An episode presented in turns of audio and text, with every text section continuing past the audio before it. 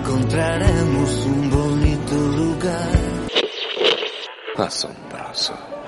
A ciencia non coñece límites.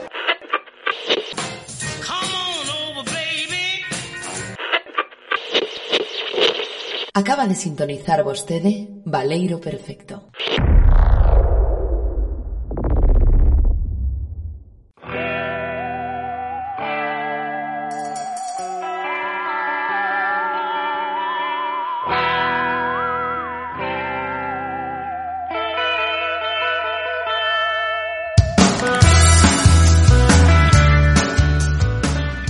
Benvidas, benvidos de novo a este espazo singular, este capítulo no tempo que será probablemente inesquecible para unha gran maioría da humanidade, ¿eh? como é un novo valiro perfecto. Estamos xa nel, estamos camiñando por el, sobrevoando por el. Eh, vou ser, ser rápido, non quero estenderme demasiado, máis aló, non quero facer como, como Abel Caballero cando chamou estes días a Estación, eh, a Estación Espacial Internacional e fixo este ridículo, non? Enorme. Enorme que nos comprometeu como terrículas eh, de algún xeito como galegos, porque ao final pues, temos esta, esta paradoxa de que Vigo está aquí, non? Entón, pois, bueno, logo que se, quere, se queredes entrar en detalles entra esta xente que supoño que ten que facer algún comentario, pero primeiro presentar a esta xente maravillosa que me acompaña, como sempre, que non pode ser outra, empezando, como sempre, por Alba Rozas, compañeira. Hola, que tal? Que tal? Que tal todos? Todo ben, todo ben desde, desde sí. Compostela, non? creo que todo. No, eu agora xa trascendín o, o espacio-tempo e estou na ah, segunda bueno. gripe do ano. Xa xa non hai espazo nin tempo, hai gripe. Ben, eso non é sempre, sempre un estado anímico, eh, no que estar tamén, eh? En plan, Vamos sin Jones. Os Moses Jones, non? De novo, again. Moses eh, Jones. Lazis again. Um, temos tamén por aí, eh, xa que falou, pois bueno, presentar. Eh, temos a a Pablo Pesado, eh, Payball Heavy, Heavy, non? Para os amigos. Aquí o temos. Que tal, xente? Como estamos? Como estamos? Estás Eu, a verdade que moi moi contento, eh, porque no. agora que ven a, a Ponte vou marchar para Serra do Invernadeiro. Uh -huh. Entón, pues, todo genial. Só podo dicir cousas boas. O sea, que volves para o monte. Volvo. Donde nunca debí marchar, Carlos. Eso é certo. Nunca, realmente non hai orixe, non? No monte, tío. O sea, ti realmente como... No, no, que va. O sea, claro. Daría ben facer aquí unha, un Pero sublore, no. non? Un valeiro de, de como eu conseguí marchar da, dun contexto moi neno labrego, non? Uh -huh, uh -huh. Son urbanita. Yeah, pero urbanita, non? Ao final é que nos toca, ¿eh? non? Non podemos fuxir uh -huh. do noso, do noso sino. Temos tamén outra persoa mm, que está, bueno, galega, galega, non? Eh? Rodicio, en realidad, creo que naceu fora deste país, non? Pola, pola sí, memoria sí. non me falla. En Singapur, en Singapur. En Pero Singapur, foi unha foi unha casualidade histórica, foi unha casualidade histórica. Lembras cando Singapur facía fronteira con con León? Sí, sí, claro. de cando se podía ir en coche, joder. Clásico. Acordaste de Panxea? Acordaste de Panxea? Estivo guapísimo. A, a época de Panxea debería volver, eh? A ver se volvemos a juntarnos todos os continentes, Beste tío, dunha vez, porque Make, make, make Panxea great again. É que é así, de, eh? de ter cousas como favoritas moi específicas, a miña época xeolóxica favorita foi as panxas. Sabes que, que seguro que hai peña que de cando en vez ten este tipo de discusión realmente, oye, cal é o teu período Pero, ¿sabes? pero Panxeano unha época xeolóxica, aí, aí o deixo. Xa, xa tiña que vir o tipo do fact-checking a rompernos a máis. Eh, estás, no, estás nomeado. Um, eh, bueno, queda queda esa persoa, queda o noso querido Darío NJ. Darío, é. Hola, que tal? Boas tardes a todos. Increíble, increíble fin antes dunha ponte, eh? sí, señor, Sinteste realizado, diría eu, non? Mm, -hmm. Pero o problema é que a xente non sabe que ponte é eh, esta. Non sabe realmente... que ponte é, pode ser que... Claro, claro, claro, cuidado, eh, cuidado, cuidado, que pode ser a ponte de Rande, cuidado, que estamos nun... Nos aquí pode, podemos traballalo. ¿eh? Bacalouras, aquecendo os bacalouras. Aí, Directo desde a peaxe. Directo desde a, peaxe, desde a P9. Pero a de Redondela, eh? A parte de Redondela. Hai que falar, hai que falar con Audasa eh, para que nos deixe aí facer un, un baleiro. É que se oira, es que se escuitaron os, co os coches así por detrás, non? Cada pouco. Sí, como, como en cadena ser, cando fan aí o aire libre e tal, que se escoitan as cousas por detrás, pois tal cual, joder. Mm -hmm. Ben, pois aquí non sei se escoitan cousas por detrás máis aló dos ventiladores dos, dos ordenadores nosos. Así que imos continuar eh, para bingo, non? Eh, como sempre vou meter aquí unha cita eh, típica e absoluta de algunha do tema que vai hoxe, que como non sabedes ler, non sabedes calé, os que digo os que non saben ler, os que saben ler, pois xa eh, intuirán algo, pero vaya, isto, vaya cita de hoxe, e logo xa, xa continuamos para bingo. Obi-Wan non che contou o que lle aconteceu a teu pai. Contou unha boda. Contoume como ataches ti. Non.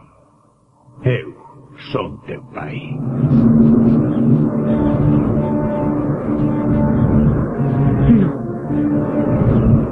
Non. Non é certo. Non pode ser. Examina os teus sentimentos, ti sabes que é certo. Non! Non! Luke, ti és capaz de destruir o emperador. El pronosticouno, é o teu destino. Únete a mí, e xuntos gobernaremos a galaxia como pai e fillo. E como sempre, antes de afondar no pozo ou definir a cousa, inda que creo que de Imperios Galácticos todos podemos facernos unha idea do que é, non? E sobre todo cando temos a o Imperio Galáctico, non? Por exemplo, de Star Wars, creo que podemos entramar cousas ou polo menos imaginar cousas iniciais. Alén diso, antes de proceder, eh, preguntarei en voz alta, como sempre, cal foi a vosa primeira vez, non? Ou vez primeira co, relacionada cos imperios galácticos, e se non é a primeira, pode ser a segunda ou a terceira, que tampouco nos imos poñer demasiado exquisitos, non? A hora de, de lexir este tipo de cousas. Así que, Alba, ten, ten esa palabra para comentarnos esa primeira ou primeiriza historia. A ver, a miña primeira vez con imperios galácticos é moi tonta, porque eu consideraba que Mega Man era un imperio galáctico cando xogaba a Game Boy. Entón, para min, Esa foi a primeira vez con Imperios Galácticos e non creo que ninguén veña destrozar má infancia agora mesmo. No meu corazonciño vai seguir sendo a primeira vez con Imperios Galácticos. Mm. Non Oye, interesante eso, non? No, que sí, que sí, que é. Bueno, Imperio Robótico, pero é no espazo, non?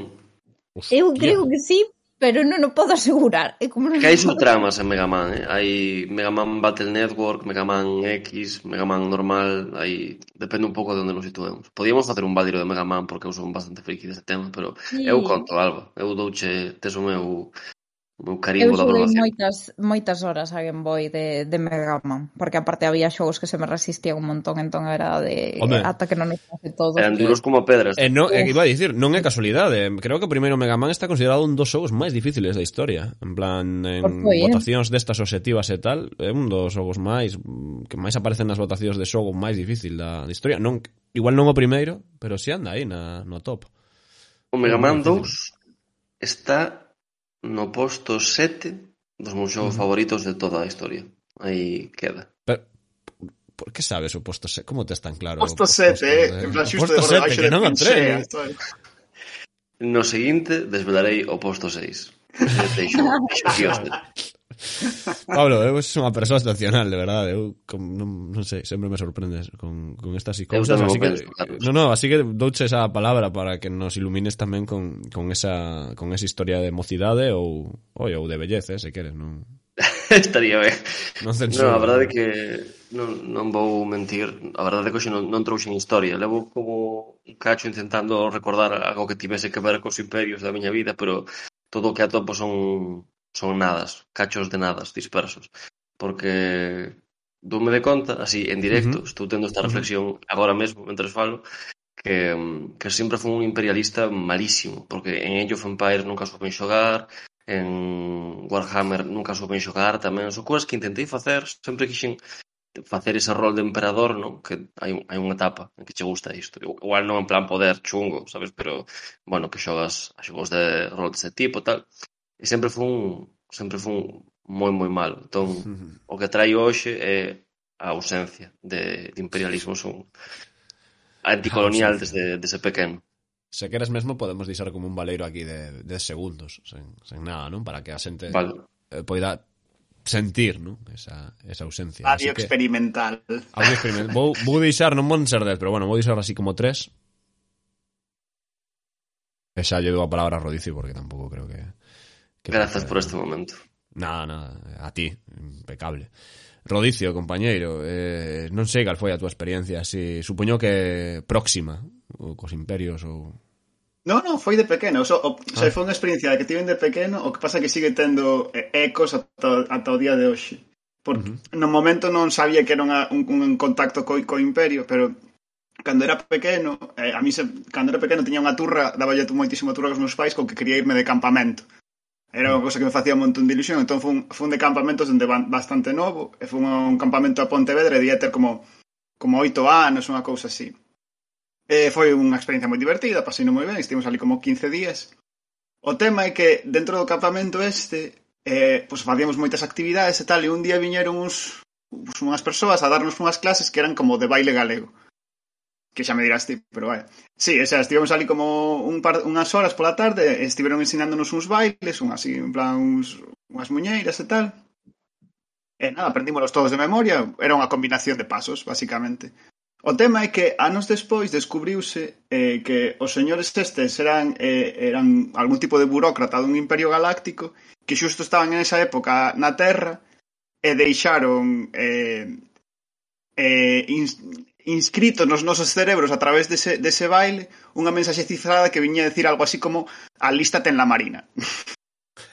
e, e polo visto non se pode borrar. Teño, o sea, teño esos, esos, piles, esos pasos na memoria guardados e seguramente cando veña o Imperio Galáctico eh, activareme como como a xente durminte e me, me alistarei na mariña. Non podo evitalo.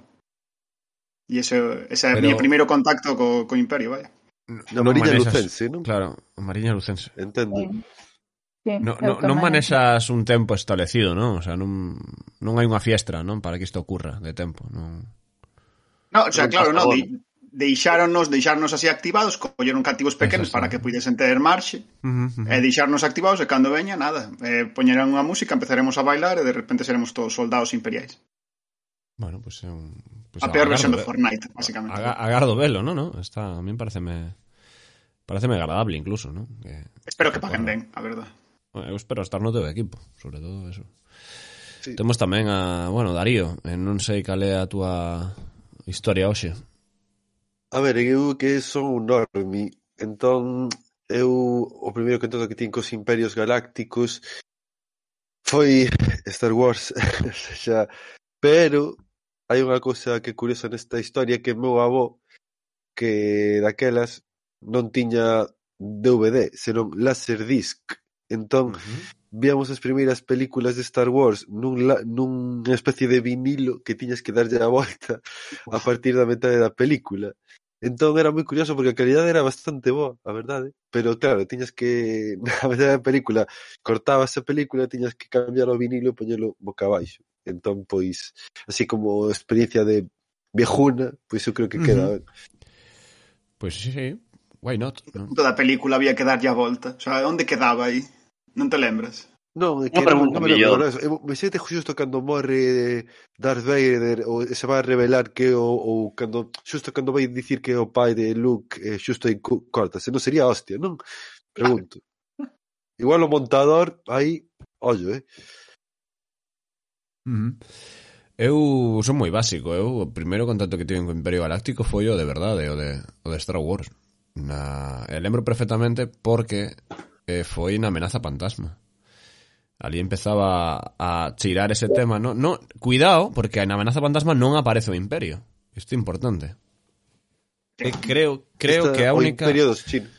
Non, eh, justo a única dúas deben ser que non aparece o Imperio aínda, non? Eh, no, na 3, cando sí, bueno, está a, está a o sea, na primeira creo que está a Confederación de Comercio que é como un imperio así bueno, cutre, non? Bueno, non un imperio cutre. No, a ver, a ver, vamos falar con propiedades, eh, non un imperio cutre, joder, eh, son separatistas ou que carallo nos vendan, pero home, imperio imperio non non son.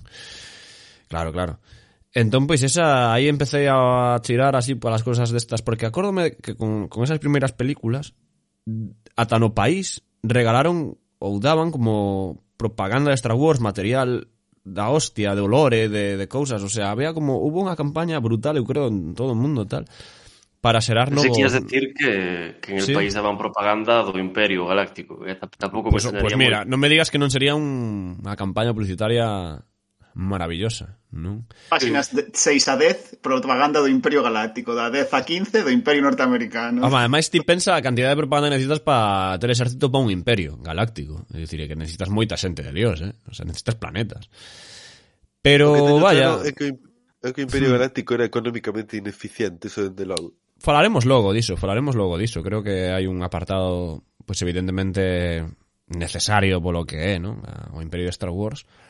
Mais alén desta referencia, pois sí, ese foi a primeira vez que escuitei falar de El Imperio Galáctico, non? Ou do Imperio. E sempre me parece un pouco pocho, a verdad. Min, os, os traxes os Star... dos Stormtroopers sempre me pareceron un pouco eh, pouco pochos, non? Pero sei que isto a mellor é un é romper aí con icona pop, eh, non ningún problema, pero é recoñecer que son trozos de plástico. Quero decir, o sea, sempre como que me, me parecían pouco pouco lustrosos para o futuro. O sea, sempre sempre me pareceron un pouco un poco plasticosos, chino, ¿sabes? Plasticosos chinosos, no sé si me... Se me entiende. Sí, me pareció brillante, ¿eh? como... Hombre, brillantes son porque reflecten. Sí. Uf. Sí, sí. O sea, a mí me gustaba, a me gustaba. Hombre, pues no digo que nos gusten, simplemente digo que en el futuro eh, un, poco, un poco de aquella manera, no sé. Siempre son más de nanobots o estas con achadas, non? De, de traxes aí chulos. Transmiten, transmiten a idea de manufacturado, sabes? En plan de que hai 3.000 millóns de copias dese de mesmo, dese de mesmo uniforme, que é a idea, non? Ten que... Sí, sí. sí bueno, está, ah, no sé, creo que estás afondando, estás afondando moito pa, pa idea. Pero bueno, está ben, está ben. Eh, dito isto, eh, vou poñer aquí o de o que ven sendo a nosa querida melodía de sempre de trompetitas e, e para adiante, que nunca está de máis eh, a, bueno, definimos a movida, non? Que é o que temos que, que facer.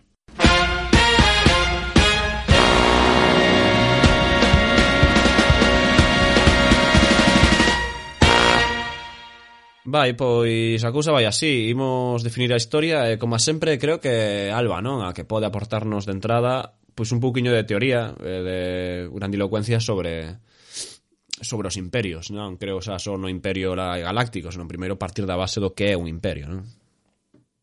Sí, imos a. Eh, o primeiro dicir que o termo imperio designa a organización política na que un Estado ou nación impón o seu poder noutros países, non? O termo imperio deriva do latín imperium e eh, é unha voz en realidade de orixe etrusca que logo se incorporou ao latín e significa mando, orde, autoridade. Tamén se refire ao conxunto de pobos e territorios gobernados por este tipo de sistema, por exemplo o Imperio Otomán.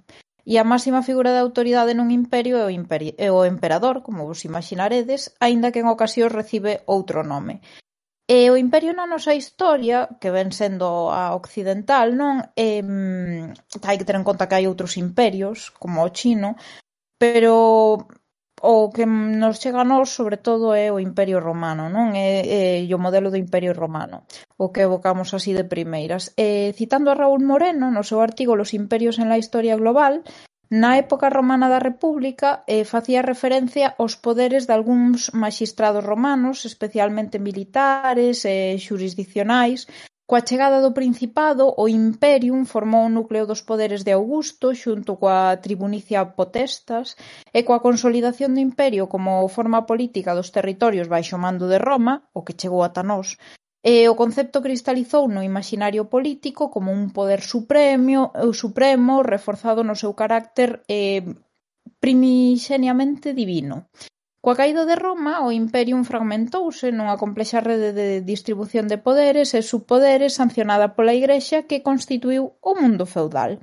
E esta concepción do imperio de orixe romana é a que se mantén ao longo da historia e a que subxace a outros posteriores como no ano 800 da era cristiá cando Carlomagno foi coroado emperador polo Papa León III e estableceu o imperio Carolinxo que tiña como base a legitimidade do imperio romano.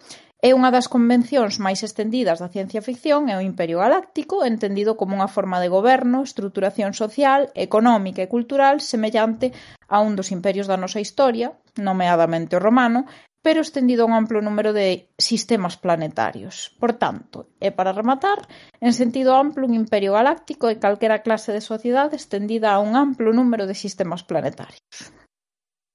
Encantaríame que fose todo unha trampa o valeiro perfecto dos imperios e nos pasamos unha hora falando de imperio romano, eh? Pero, que... bueno, algunhas obras algunhas obras de ciencia ficción fano, eh?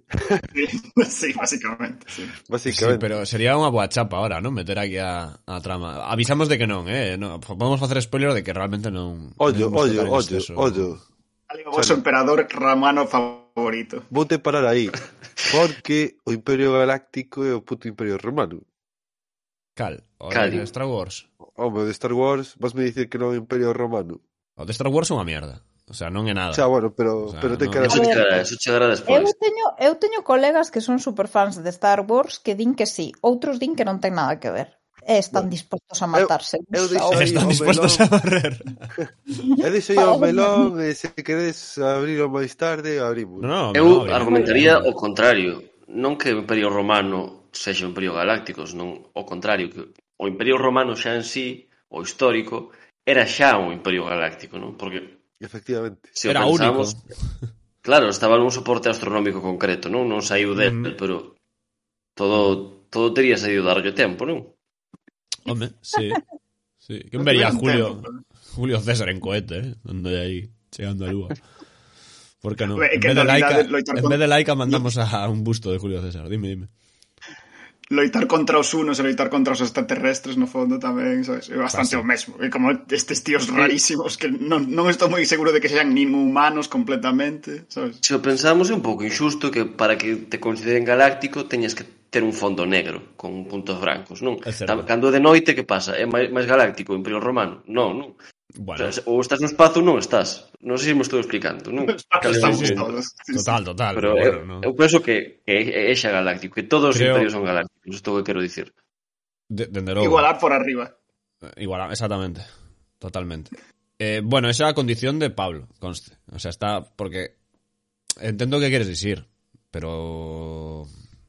Non sei, eh. Vou, vou meter a cláusula adver- adversativa, eh, claramente, de pero. sí, pero. Creo que querías falarte algo, non? De abrir un melón, non? Desta definición ou ir explorando mm. cousas. Sí, quería complementar un pouco o que comentaba Alba, non? De, ela apuntaba por onde está a orixe do, do concepto de imperio, eu vou traer un pouco como o concepto de imperio pasa á literatura. Un pouco o punto que a xente adoita situar como como inicio da ficción imperial galáctica, digamos, é a Guerra dos Mundos, de Wells, que foi publicada no 1897, dicir, case na pasaxe ao noso século, máis aínda no ao noso século non, por Deus, ao século XX, máis aínda no século XIX.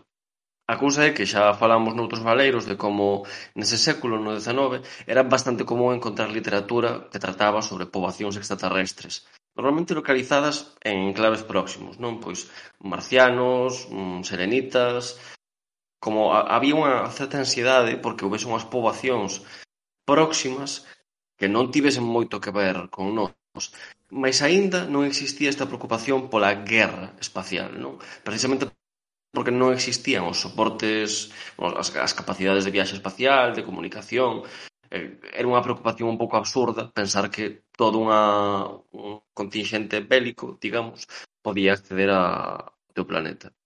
Mas É Wells quen de repente decide darlle unha volta á literatura pasada e poñer no centro precisamente ese escenario de invasión, é dicir, a chegada pois, dunha, dunha raza alienígena que ven para dominar o noso o noso o noso mundo, tal vez, mas isto un pouco complicado porque parece que sempre neste tipo de ficcións cando os protagonistas son os terrestres, o mundo, basicamente, os Estados Unidos. Isto podemos debater despois.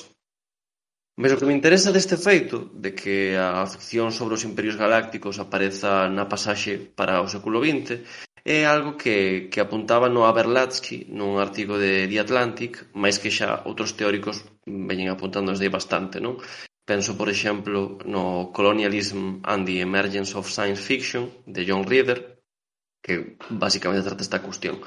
Mas o artigo de Noah Berlatsky sintetiza moi ben os, os argumentos da, do que poderíamos falar, chamar poscolonialismo centrado na ciencia ficción, e argumenta que esta preocupación polas invasións imperialistas extraterrestres ten que ver precisamente co, cos fenómenos de descolonización que se que foron tendo lugar desde os comezos da, do século XX ata a segunda metade, máis ou menos.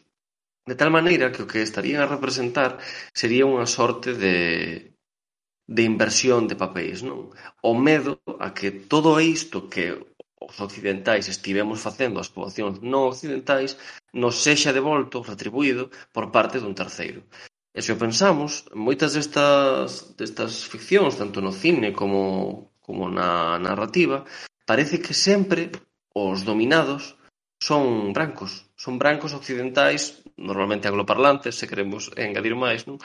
Eh, En fin, parece que na emerxencia deste formato algo tivo a ver o, os procesos de descolonización. Logo, tamén poderíamos engadir a, a idea da aventura espacial, non? que tamén se populariza neste momento, a idea dun, dun individuo que, que viaxa polo espazo descubrindo novos mundos que ten que ver directamente coa idea do, do explorador, que se fixera popular no século pasado no dominio de, de África. Son innúmeras as ficcións protagonizadas por persoas carismáticas, eh, virís, que se deciden a coñecer mundo, experimentar aventuras, realmente o que están a facer non é inaugurar unha serie de roteiros de colonización, de escravitude, de, de roubo, de extracción de mercadorías e materias primas. E algo disto pode haber tamén nestas formas de ficción, non? De tal maneira que eu diría que a través desas dúas vías o, o imperialismo da realidade estás a filtrar no, no imperialismo ficcional. Xa por último, quería recuperar unha novela da que xa falei, que xa recomendei tamén varias veces, mas que penso que é indispensable para ter a, a panorámica inteira da, da ciencia ficción imperialista, que é a de Olaf Stapledon. Toda a súa obra, en xeral, tratou moito este tema, e penso que é quen dá o paso ao formato que actualmente manexamos, en que xa non somos nós invadidos por un terceiro, mais é unha cúmene, digamos, un conxunto de países, de federacións distintas no espazo que teñen unha xeopolítica interna e ás veces isto implica pois, colonización, eh, escravitude e fenómenos semellantes. É a novela Star Maker, penso eu, que, que inaugura esta visión máis complexa, máis que segue tendo unha débeda coa historia do imperialismo occidental no século pasado a que penso eu que inaugura a, a etapa en que hoxe en día estamos.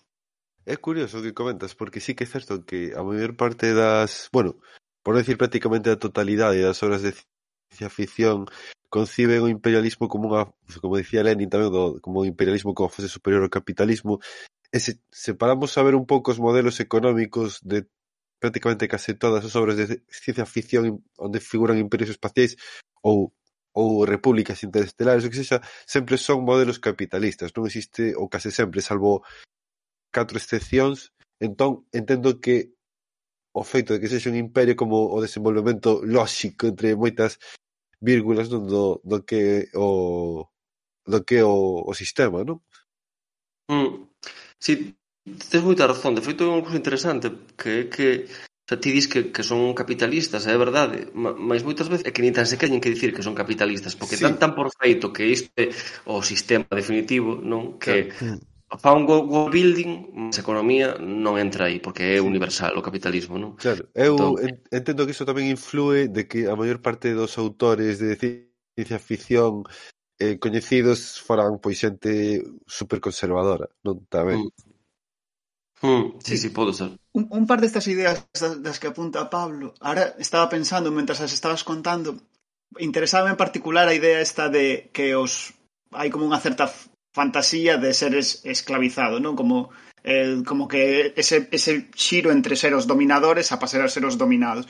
E estaba pensando que, xa que antes mencionamos tamén o Imperio Romano e a época clásica, é unha cousa que sorprendeume ler nalgúnas obras clásicas gregas, onde varias veces os a parte da trama iba como que eh, os gregos fantaseaban con que eran eles de repente os, os esclavizados e había hai constantemente unha ameaza de convertirse en escravo que veñen os de fora e te van a escravizar a ti. E penso que é divertido a, a comparación Porque claro, os gregos, sobre todo na época das grandes obras clásicas que son as que adoptamos ler, nesa época eras, eran eles os que se expandían a imperia, non, os que estaban esclavizando a outros e ao mesmo tempo tiñan ese medo a, a que se viraran as tornas e converterse eles nos esclavizados. Pasa que, eh, evidentemente, o contexto era diferente porque vivían en termos históricos máis rápidos e se todo saía mal durante 20 anos, igual sí que se convertían eles nos escravos, non?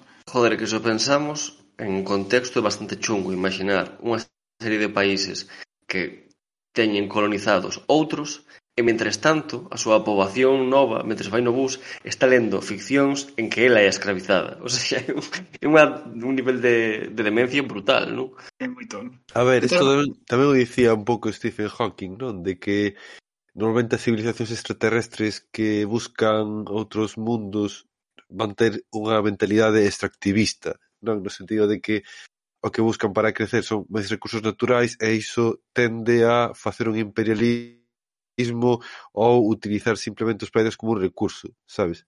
Uh -huh. Sí, de feito isto, sí, que isto que comen as reflexións de Pablo de que os imperios galácticos na CIFI sempre son como un campo de probas, onde un terreo metafórico onde falar do mismo. E o que comentaba ahora mesmo Darío sobre a idea de sempre extractivista do imperio do posible imperio galáctico contra, contrasta con a definición que antes propuña Alba, que era en sentido amplo o imperio galáctico é calquera clase de sociedade estendida a un amplo número de sistemas planetarios. Resultame problemática esa definición porque creo que non calquera tipo de sociedade que se estende no espazo ten por que dar un imperio. Eh, falábamos antes do imperio romano e pensemos na diferencia entre os imperio, o imperio fenicio e o imperio romano que e os dous estendían no espazo pero de maneiras políticas moi diferentes. O que quero dicir é que a nota definitoria do imperio é precisamente esa relación extractiva, a, din a dinámica de metrópole-colonia que sempre hai un lugar dende onde se exerce o poder e outro lugar onde o poder é exercido. No caso, o, o, o lugar conquistado ou, ou colonizado non pode estar en plena igualdade coa metrópoli, porque nese caso estaríamos ante un tipo de organización pois que non sería non sería imperial. Eh, sinto, sinto ser eu que entrai aquí o ínclito Gustavo Bueno, pero por penso que precisamente por esta definición é tan pouco relevante a, a suposta clasificación que dá Gustavo Bueno entre eh, imperios generadores e destructivos que lles gusta tanto aos negro de legendarios para intentar justificar o Imperio Español, porque como moito pois pode dar eh, detalles anecdóticos do que poden ser as relacións logísticas ou administrativas dos imperios, porque no fondo un imperio sempre vai ter unha lógica depredadora. E por pura autoconservación do seu propio sistema non, non pode permitir non pode levar as últimas consecuencias ao desenvolvemento da, da colonia momento, Rodicio, pensei que ias meter aquí unha cuña de publicidade da Fundación Gustavo Bueno Molaba, eh? e apagar o micrófono inmediatamente marchar para casa automáticamente baneado. Baneadísimo. Eh? Pois pues dicía, eh, bueno, que se comentaron varias cousas agora, non? Nestes últimos minutos, eu, eh, verdade, un tema extenso, quizáis. Mas eh, quedome con esta idea, aparte do colonialismo e tal, eh, a min o que pasa é que cando falamos de colonialismo espacial ou de aproveitamento de recursos, como comentaba Darío, tamén é que é verdade, non? Un, un, o que nos consideramos imperio galáctico aplicado realmente, non? Aplica, coñecemos unha sociedade que sexa tan evolucionada como para poder considerarse imperio galáctico. Realmente pensa, se miraría a sí mesma como imperio? Tería esa, esas funcións tan evidentemente humanas, eh, mesmo capitalistas ou... Non, capitalismo, porque hubo imperios previos ao capitalismo, quero dicir. Pero sí que me sucede que toda sociedade que teña a posibilidade de crear un imperio creo que nunca se autodenominaría imperio. Non sei se me se me explico. Pero sería pa... consciente, é como dos dictadores, ningún dictador vai salir pola venta e dicirche, "Hola, son un dictador." pero creo que por detrás Pero ti crees, por exemplo, por exemplo, non, cando nós eh, destruimos un formigueiro, non? Eh, ou nos aproveitamos sí. dun, dun, dunha parcela de terra destruindo todo o que aí habita ese hábitat. Crees que unha sociedade capaz de conquistar planetas tería certo remordimento nese sentido, o sea, diría que nesto non, non sei, hai como unha definición, no, de imperio de conquistar territorios e tal, non sei se nos consideran simplemente territorio, non sei se, se a, a escala galáctica hai términos que se acabarían diluindo na, na, na súa propia definición. É, é, gra, mm. é gracioso de novo porque non vexo ninguna diferencia coa a escala galáctica e coa escala terrestre, precisamente, dicíamos antes, eh, falaba antes Alba de a creación do Imperio Romano, cando se lle otorgan poderes extraordinarios a Augusto, tal. Mm. En realidad o Imperio Romano xa era un imperio cando se autodenominaba a sí mesmo república. O sea, tiña mm. todas as lógicas imperiais, o que a maneira de organización eh, no no máis alto da pirámide non era eh, non era tan única. E eu eh, penso que en realidad o, o imperio americano que vemos hoxe en día Eh, é, é outra vez o mesmo exemplo. Eles teñen moitísima reticencia en pregar a palabra imperio, e de feito, ten súa ficción, despois falaremos de, de Star Wars, sí. como que denigran a palabra imperio, máis fun funcionan internamente como como unha democracia, pero externamente como, como un imperio. De feito, eh, non sei, podemos pensar en Hawái, que só foi un estado a partir de 1959, eh, de 1898 xa estaba incluído dentro dos de Estados Unidos, mm. ou nos territorios que teñen eh, prácticamente anexionados como colonias, como sí. Guam, ou, bueno, o de Puerto Rico é un poquinho xa eh, máis sangrante porque le viven ali 3 millóns de persoas que non teñen ningún tipo de representación política. E eles a mesmos non se observan como imperio, ao mesmo tempo están facendo todo todo eso, mm. non? De todas entón... maneiras, hai, hai outra cousa que, que tamén está incluída no que apuntaba Carlos con respecto a como se autodenomina un imperio, non? que é que co independencia da cuestión moral de os imperios son bons ou malos, mm. eh, moitos dos imperios que aparecen na ficción chamanse imperios mesmo sen selo, non? O sea, como que Imperio é unha sociedade galáctica formada por moitas cousas. Dame impresión uh -huh. ás veces, non? Sí. sí, sí. É certo que tamén está a idea de federación, non? Federación Galáctica, sí, tal, convive con outras. Iso, de feito. Pero hai como unha perda de sentido da palabra imperio, teño impresión. Creo que sí, eu por no, eso dixen, Wars, eu por pero... eso dixen en sentido amplo, porque creo mm. que ás veces é menos flexible ca co que decía antes Rodicio da metrópole, o sea, ou ás veces non o vexo tan claro. Uh A ver, o sea, pode ser por un tema semántico o sea, é un de demonización, quero decir. É que, por Como... exemplo... Digo, se está demonizada a palabra imperio, quero decir, se temos unha connotación negativa, nos. Eu penso que está demonizada, se eh, por vos motivos...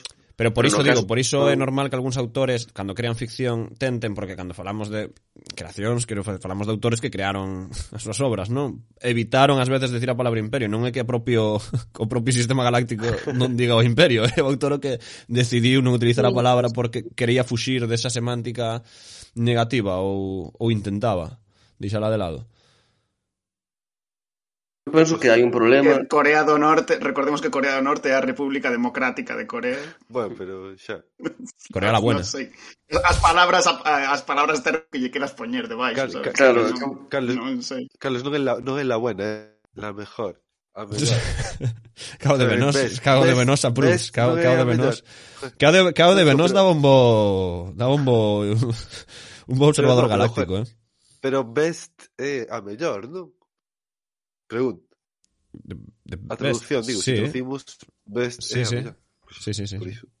Concreta, concreta. En calquera caso, eu penso que o que dicía Rodicio tiña razón, con que as palabras terman do que lles poñamos, e o problema aquí mm. é que falta vocabulario para facer referencia a unidades tan grandes de poboación mm e de culturas como estes imperios galácticos ou federacións galácticas ou como lles queiramos chamar, non? Entón, úsanse palabras da cultura e da tradición humana que xa non funcionan tan ben. Non? Penso que algo por aí pode estar a pasar. Sí. Eu, eu que estiven buscando tamén no da definición de imperio é algo que trascendese un pouco a denominación e atopei un, eh, un artigo de Felipe Curcó eh, que se titula Imperio, Imperialismo e Violencia, unha visión desde a periferia, e a ver que opinades, Eh, eh, tiña unha reflexión que me pareceu moi interesante, que era que o concepto de imperio que se caracteriza principalmente pola falta de marxes, o dominio dun imperio non ten límites, porque busca idealmente establecerse como un réxime carente de fronteiras territoriais e temporais. E isto pareceu moi interesante. O seu centro está en todas partes e tamén en ningunha. E a orde non se presenta como temporal, senón como unha forma de goberno que suspende a historia. Un imperio non aspira a presentar o seu dominio como un momento transitorio no devir histórico senón como algo que está máis alá e, e lle pon fin ao acontecer. Entón o seu dominio imperan todos os rexistros da orde social e ramifica a vida, eh, cara a vida cotiá e, e en definitiva o que pretende é definir a vida social aspirando a gobernala de forma biopolítica e exhaustiva. Pero a min, sobre todo, pareceume moi interesante a idea de que pretende eh, entender a historia, non? Pretende quedar esa fase de imperio e de goberno. Non me convence nada esa definición, porque penso que é unha definición que se aplica aos estados, actuais, a todos os estados intentan facer exactamente iso. Todos os estados pretenden ser, eh, pretenden ser como a, a final última, os estados democráticos en particular, asúmense sí. como a, a, a mellor maneira posible de goberno e todos pre, pre, pretenden penetrar na túa vía diaria por mil, de mil maneiras. E eternizarse no tempo, non? Como se sempre tivesen existido, como se non houvese nin antes nin despois da, Efectivamente. da súa entidade, non? De Creo que vou facer algo terrible, pero bueno, fálate primeiro, Darío, no, no, vou meditar se teño o valor para facelo que é citar a Gustavo Bueno de maneira positiva. No, no, no, que coño pasa? No. Aquí ver, quero, quero antes... música de Darth Vader para sí, sen problema. Sen problema. Non, se máis, é unha obviedade eh, o que vou dicir que De todas que... formas o ah, perdón, perdón, fala Pablo, pensaba que se dicilo despois. Na, é unha parvada, un momentiño, só sí, que sí. el insistía moito, el era un imperialista como é sabido, non? Que imperio só podía haber un. E penso que isto sí que é definitorio do imperio con respecto aos estados, que o imperio ten vocación de ser único, o, o aquel que abrangue toda a humanidade, non? Non ten límites precisamente porque aspira a, a totalidade. En ese esforzo por conseguila acaba rachando e indo tomar por cu. Pero iso penso que ese, ese énfase na unidade non pode haber dous imperios, ou se o seu ver están destinados a se destruíren, pois é un, un anote importante do que un imperio é. A ver, a min tamén me parece que o Imperio ten máis, eh, como dicilo, no sentido este de suspender a historia, eh, aínda que estou de acordo con vos co entre que os estados agora, pois eso, a forma última, sí que creo que por máis abertos ao cambio e á evolución que o ideal imperial que era pois mm, que me parece que era máis de manter uns valores eh, bueno, que non se estaba disposto a recoñecer esa caducidade. E eu creo que na ciencia ficción eh, tamén funciona un pouco así, non, non sei. Eh, que ese é o xermolo do conflicto, que hai uns valores que non non sei. O sea, igual é aplicable de maneira xeral a moitas cousas, pero sí que vexo un pouco esa idea de que mm, é, é máis impermeable ao cambio. Mm, interesante, pero penso que eso no fondo, como moitas cousas, é un pouco porque case sempre nas ficcións se, se equipara o Imperio Romano e ese foi un dos, das cousas que levou o Imperio Romano á desaparición, certo anquilosamento interno e incapacidade de renovar. Iso.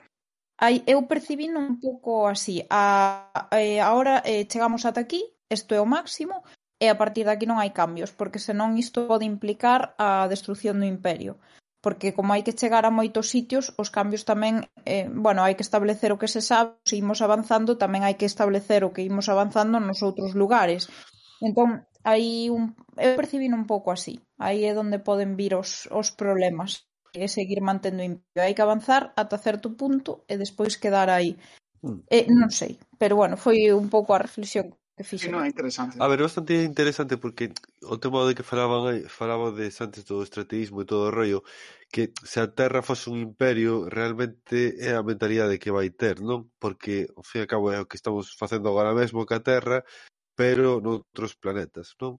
Entón, isto eu creo que está bastante ben eh, citado, eh, un pouco representado, como podería ser, un pouco un pouco máis xogando con cousas políticas e tal, no que é na serie de televisión e nas novelas de The Expanse. Non sei se... Mm. Mm. Sí, penso que despois falaremos un pouco de The Expanse sí. polo miúdo.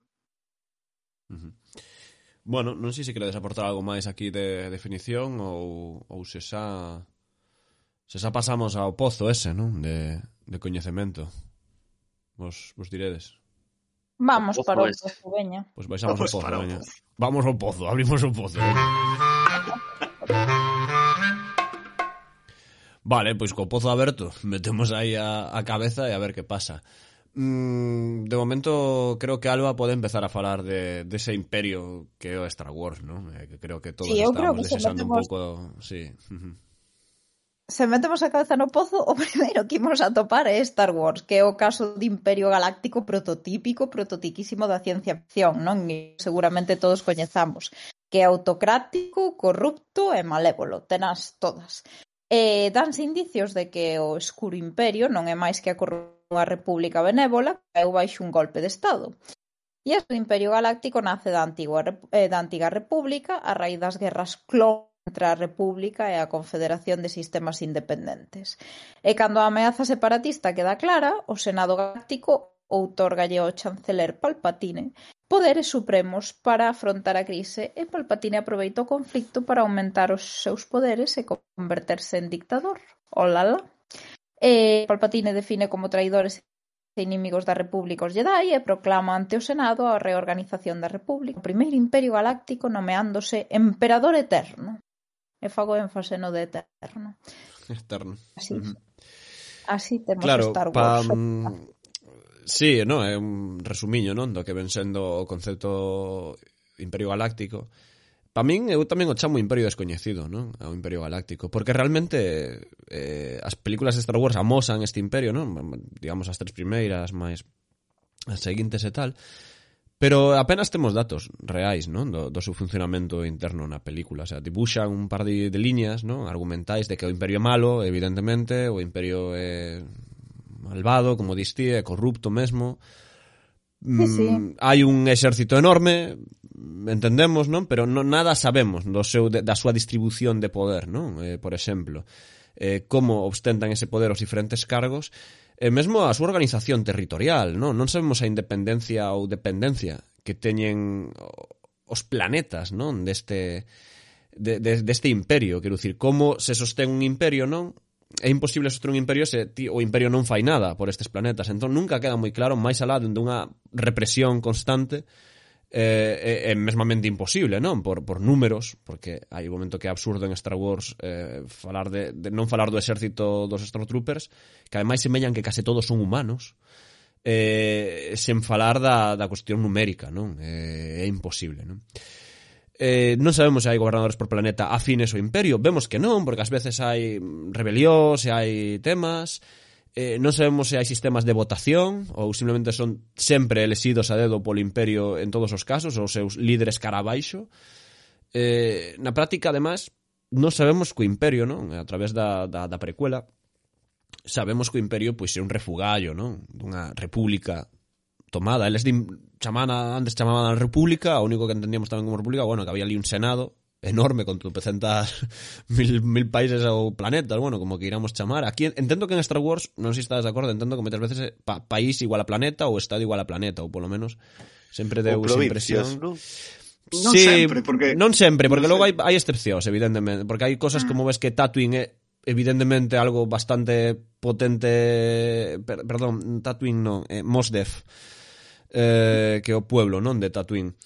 Eh, entón, ás veces é certo que non ten moi claro o tamaño dos planetas mesmo, non? Eh, pero vaya, Eh, pa min eh, ese sistema que se monta despois, non, forma parte dese arquetípico golpe de estado, eh, feito por militares ademais, non? Claramente o estado, o imperio é unha potencia militar eh, a máis grande eh, dese universo ficticio. Coa idea de devolverlle ademais, non, basean todo nunha unha especie de, podemos decir, de mentira ou historia na que hai que devolverlle o poder ao pobo e o pobo eh, eh, gañará a través dese goberno militar, non, de que forman parte do povo, etc, de que os políticos están eh, traballando en contra dos intereses do, do povo, os, ye, os jedais están compinchados con estes poderes democráticos que non son tan democráticos, etc, non, para acabar finalmente creando este imperio galáctico do que eu sempre digo, non moi pouco se sabe, eh, realmente, e creo que iso é unha pena porque realmente ao final é unha excusa, que non está mal, que sexa unha excusa, non? O, hai que poñer uns malos e aquí, bueno, pues vamos vestilos un pouco de nazis, ademais, non? Vestimenta así seria, eh, tremenda, e eh, eh, tirar para adiante, non? Que o que fixo o que fixo George Lucas. E conste esa digo, non, non me parece mal, pero evidentemente se, se rabuñamos un pouco a superficie caese, non? A nivel político, social o, o universo en xeral de Star Wars non, non ten sentido ningún, non? Que creo eu, vaya, ou, ou moi pouco. Deixo Ademais, que... é eh, un Cristo, eh? Esta falta de sentido penso que que fai mal político, o sea, que é perigosa, porque hai unha serie de referentes claros que xa foron saindo, pois o nazismo, o imperio romano, no? que eu penso que habería que manexar con certo cuidado ficción. Mm. Porque hai este discurso que tamén é moi común a, a, a certas novelas, certas películas, de que o imperio é un conxunto de xente moi mala, moi mala, sabes como como sí, sí, nenos sí, que sí. se portan moi mal, e que son moi caprichosos, que que son ademais sí, sí. patolóxicamente malos, non? Como unha cousa de nacemento, teñen os ollos vermellos, a, a cara destrozada polo seu propio rencor, non? Ese momento de Palpatine cando de de ser un, un home bello e venerable revelase como unha criatura monstruosa ou sí, sí, canto Darth Vader quita o casco. Sí, hai, hai como Os unha... malos son feos. Claro, como que a... Fíxose malo cando quedou sen pernas, basicamente. Sí, sí, sí, como que o fascismo é unha especie de cousa que ven desde a infancia e que se mm. transparece nunha fealdade. E se isto fose certo, sería moi fácil de identificar, non? Mas na realidade é moito máis complexo. É o perigoso precisamente que para detectalo precisamos ferramentas moi sutis, que, que este, esta representación do imperio non só non contribúe a crear e a termos Non, todo o contrario, porque os imperios e os procesos de, de dominación tanto cultural como política como bélica que coñecemos adoitan ser moi refinados, en absoluto tan tan rechamantes como a todo o mundo vestindo de negro, non? Eh, e con sables láser vermellos para que se vexa que teñen a cor da violencia. Mm. É máis fino. Isto, isto é moi interesante porque hai certo discurso, ou polo menos eu teño a sensación de que hai certo discurso por aí, que por exemplo di, ai, recordades cando nas pelis de Indiana Jones os malos eran os nazis e todo o mundo tiña claro que os nazis eran os malos. e eh, No, porque decir, os, os malos en Indiana Jones eran nazis de maneira totalmente circunstancial porque nin tiñan motivacións claras, nin se sabía moi ben o seu contexto. Quer eran basicamente fantoches nos que proxectar a maldade. E entón, a mínima que crees unha persoa que non sexa directamente un fantoche e se chama a si sí mesmo nazi pode volver a ter legitimación. Quer dizer, non faz nada para eh, loitar contra esa ideoloxía, se colocas como un boneco de palla ou que lle pegas palos porque son os malos e punto. Sí. E penso que en, e, e penso que no en Star Wars pasa exactamente o mesmo. Todos temos claro que o imperio é unha metáfora dos nazis, pero nin entendemos moi ben que pretenden, nin para que, simplemente queren cargarse cousas, e ti tes que evitalo, pois pues, ok. Boa, isto pasa moitísimo nun xogo que nunca pensei que relacionaría con ciencia ficción, pero que é Pokémon Blanco e Negro. ten sentido, ten sentido, eh? perfecto. No, pero ten, ten pero... todo sentido o mundo, eh, o que dis, eh? En, en, en, a ver, es que o Team Rocket, estas cousas... Sí, sí. O sea, eh, son malos porque son malos, non hai ninguna motivación claro. real. Eh sí. son así moi parviños, non? E teñen, sempre teñen discursos ideolóxicos claramente inspirados na, nas ideoloxías reais, dan uh -huh. chapas constantemente, sempre che están dicindo ah, únete a mí, non sei que, non ves que non sei... Bueno, típica sí, chapa sí, sí, de, sí, sí. de representación americana da propaganda dos demais, sí, non sí, da propia, sí. non? E que vos Mas, algo, non, que... Un... Perdón, sí, sí, Pablo, sigue, sigue. No, acabas de querer, acabas de querer, Carlos. Non, digo que curioso como representación dos malos a veces en Star Wars chega a ser tan ridícula que ata creo que as novas películas realmente pasando por Darth Vader, non? Que é o... Bueno, aquí non hai spoilers, non? Quero decir, eh, arrepintes o final ou fai este acto de redención. Non hai ningún só eh, persoa do Imperio que mostre certa decencia na, ou certa humanidade. Ninguna. En plan, o sea, ata que chegamos ás novas películas está Finn, que este soldado, este trooper que mm, dalle pánico, non? Dio, mierda, non sei que fago aquí. Eh, o resto nunca. Eh, temos un só personaxe de, do Imperio que sexa normal, En plan, digas, oye, perdoa, es unha persoa que podría pensar un pouco o que fai ou tratar ou eh, eh, entender que está a facer, non? Eh, para nada. Entón, o que distinto, non? Ese, ese mal masivo, non? De, bueno, estou aquí eh, e, e tedes que aturarme porque son malísimo. Ah. A, a linguaxe, o sea, as consecuencias políticas diso son tan claras que é como ah, sospeito que este tío é nazi, pero como non é totalmente malo o 100% do tempo, como os tipos nazis que vin nas películas, sí. non debe ser nazi, non entendo, sabes? Claro, claro, claro, claro. É que esa falta de, de entendemento do imperio recrea que Finn, non ese personaxe, non? É, é Finn, non? Creo, creo que sí que se chama sí, Finn. Sí, sí que... Eh, non sabemos de onde ven, quero dicir, matou xente antes disto. En plan, era soldado, non, sí, logo que sí, que me da igual que me expliquedes con libros, con lore de, de, de, de outras cousas, de, de series, de mil... Eu teño que ver unha película e teño que basearme no que vexo, evidentemente. Non, non me vale... Era mi primerito día. Claro, e dis, pero non, non ten sentido, porque dis, joder, pero este señor xa é como unha persoa maior ou semi-maior, eh, ten unha idade, non? Non, non, non entrar en batalla antes, entendemos, non fixeran adestramento, o como ficha o, o Imperio a esta xente? Vai a súa casa Creo que algo di que era o seu primeiro día, verdade? Eh? De, de que sí, nunca sí. estivera na Guerra Real. El algo di disto, pero, pero entón... No, o sea, como é? Como chega ao seu Imperio, non? O sea, como te alistaste ti... Eh, non eh, van a túa casa eh, un, como un reclutamento obligatorio. En caso de selo, o lóxico sería ir de moi de nenos que te colleran e que ti xa foras un cerebro lavado, non? Onde... Claro, pero no. é que aquí hai unha cuestión que quería eu falar, porque sí, nas, sí. nas precuelas, home, como o xerme do imperio e o exército clon, non? Sí.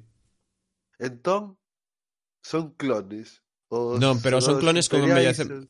Non chegan. Os clones que están na, no, no imperio xa, maior, no, na época de Luke Skywalker, teñen, teñen que estar mortos. Ese, ese teñen métodos para facer máis? É que esa é a pregunta que sempre teño eu. O sea, porque terá sí, métodos, se Camino igual. Eh, seguiu producindo, mm, claro. non se sabe, pero podría ser, sí. Podría ser unha explicación logo, semilóxica, una, pero na primeira película Perdón, perdón. Na primeira película uh -huh. falan entre eles, es, parecen como xente normal, non? Tamén. De, de, de novo toda a merda, do, o sea, que dos clones é unha puta merda, porque é de novo claro. George, George Lucas intentando deshumanizar o máximo posible os malos sí, para que non sí. sintas nada por eles, son literalmente copias dunha mesma persoa e poden morrer en masa que dá igual. Sí. E conste que ten sentido no. a nivel ficcional, perdón, eh, que, a ver, George Lucas non tiña pensado Pa, fa, quero dicir, este lore dos clones, das guerras clon, isto non estaba, o sea, nomeanse na, na primeira película así inventada a Guerra Clon, Pero non sei ata que punto os Lucas de verdad pensar en escribir isto. Non sei se me explico. O sea, todo o, o contexto que se dá cos anos a todo isto, non creo que os Lucas tivera armada esta historia na, na cabeza. Por iso creo que ás veces hai tanto er erro ou tanta improvisación, porque é simplemente unir cabos como che dá a gana. Sí, pero, pero tampouco vexo, dicir, as, as precuelas, todo, porque estamos falando moito de Imperio, pero mm. eu co que máis frustración sinto é coa República. A, a República parece sí, un puto sí, sí, Cristo terrible, referencial. Terrible, terrible. Parece mm. ser o Imperio Romano, pero en, teñen un, un teñen un, un movimento separatista dentro. Como como eres unha república democrática confederada e tes un, un movimento separatista? What the fuck? O, re, o resumo, o resumo de George Lucas é que a liberdade é mala, que a democracia é mala. E un, un detalle tamén que non podemos obviar de novo que os separatistas utilizan robots como malos. En plan, para que non, bueno, claro, que, sabes, como para matar a inimigo fácil, non de, bueno, que son robots tampouco. non é unha guerra civil, é un rollo de robots versus pero persoas, non? Logo os robots es que non entendo emocións tamén. Ese sí que non mm. entendo.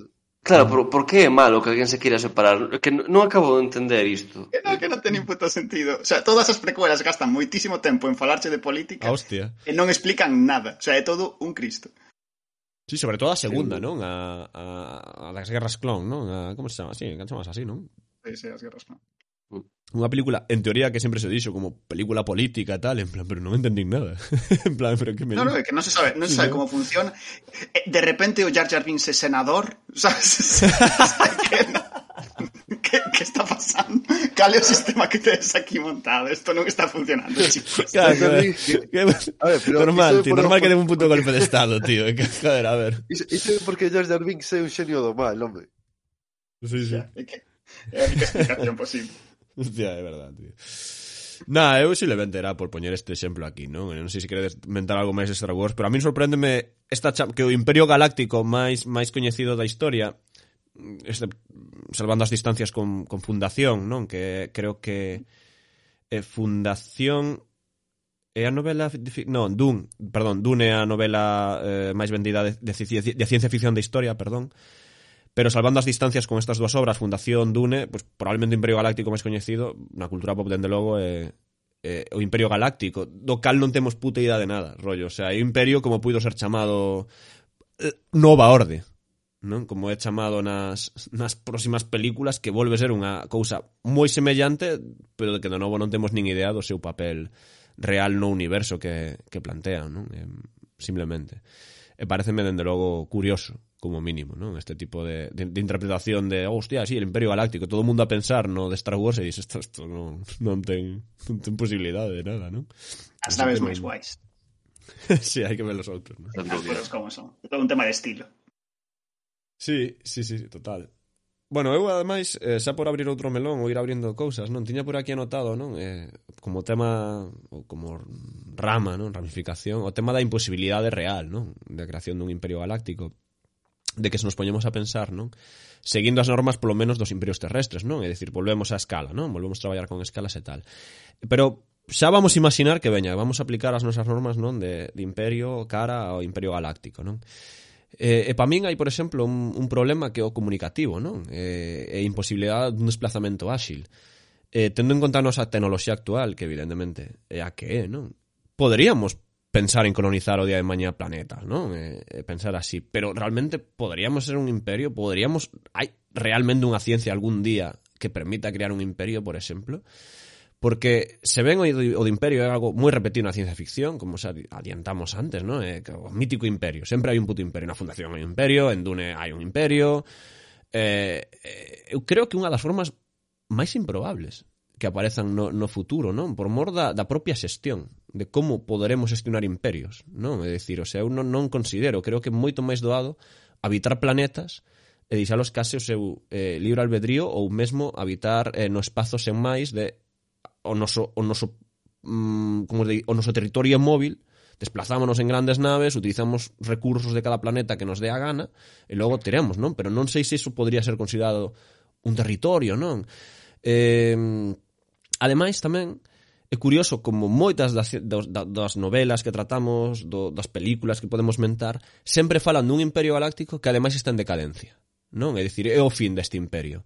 En Star Wars é un imperio decadente porque está a punto de ser aniquilado por unha alianza rebelde.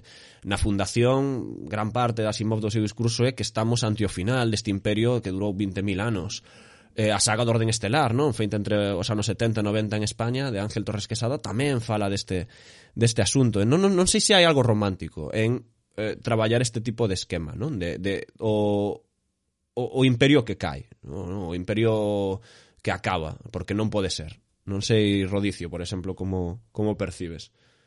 Sí, eh, eh, penso que é moi interesante porque eh, precisamente o collero como tropo a, de, a decaimento, moitas destas obras están falando de que hai un problema logístico do que non se pode escapar. E penso que é un exemplo moi moi guai, moderno, da que unha serie da que xa temos falado aquí en algunhas ocasións mm. sería The Expanse, que fala en realidad de sucesivos fracasos do, eh, da, da raza humana de crear un imperio no sistema solar. Primeiro Marte, co, o sea, colonizamos Marte, máis pasadas unhas cantas xeracións, hai supónse que Marte sufre unha especie de revolución parecida o que podía ser a revolución eh, estadounidense contra os británicos, dando lugar a unha sociedade tamén ultra militarizada como a, a dos estadounidenses, que se caracteriza porque loita contra as dificultades físicas do seu, pla, do seu, do seu planeta. O que, de novo, parece como unha especie de metáfora dos estadounidenses loitando contra ese eh, continente inexplorado e agreste que era on, eh, no Norteamérica, non? Sí. Mas a serie xa está ambientada en que este evento é unha cosa que aconteceu no pasado e o que está acontecendo é que o segundo especie de intento de crear un imperio eh, humano que sería colonizando o cinturón de asteroides está tamén en, eh, a, a, piques de, a piques de fracasar, porque todas as persoas que viven no, no cinto de asteroides están hai un fervedeiro revolucionario derivado do maltrato extractivo da Terra que trata aos cinto de asteroides basicamente como se fose eh, como se fosen colonias mineiras, onde só hai unhas minas e mandas ali a xente a, a, pues, a traballar nas minas, pero non son como cidadáns en plen, de pleno dereito.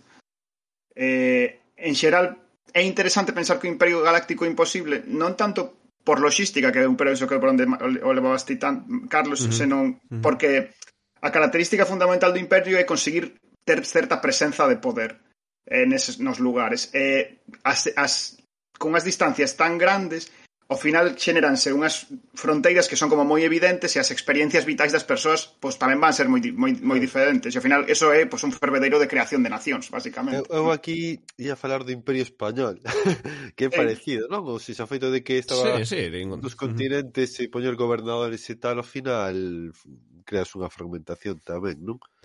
Sí, é que supoño que entendemos o tema do imperio además de que fagan como unha mesma cultura, non? Unha homoxeneidade que é inviable, sí. sobre todo no espazo porque xera auténtico o que di Rodicio, cambia a fisionomía humana. Se estamos nunha lúa con tres atmósferas ou nun planeta con dez atmósferas, non? O sea, que literalmente acabaríamos sendo extraterrestres uns para outros. Non? Entón é certo, non? Aí eu comparto moito, eh, esa idea, gústame. Está claro que vivir nun planeta que non, non ten nada que ver. Eh, e por iso traía tamén a outra idea que antes lancei, non? Eh, podería caber a idea de como ferramenta xa moi avanzada, non? Pero o imperio nómado, non dicir, é posible eh, pensar enormes moles de naves multifuncionais onde vivimos, onde transitamos polo espazo, non? Eh, ou escapa totalmente a, a nosa Realmente, definición?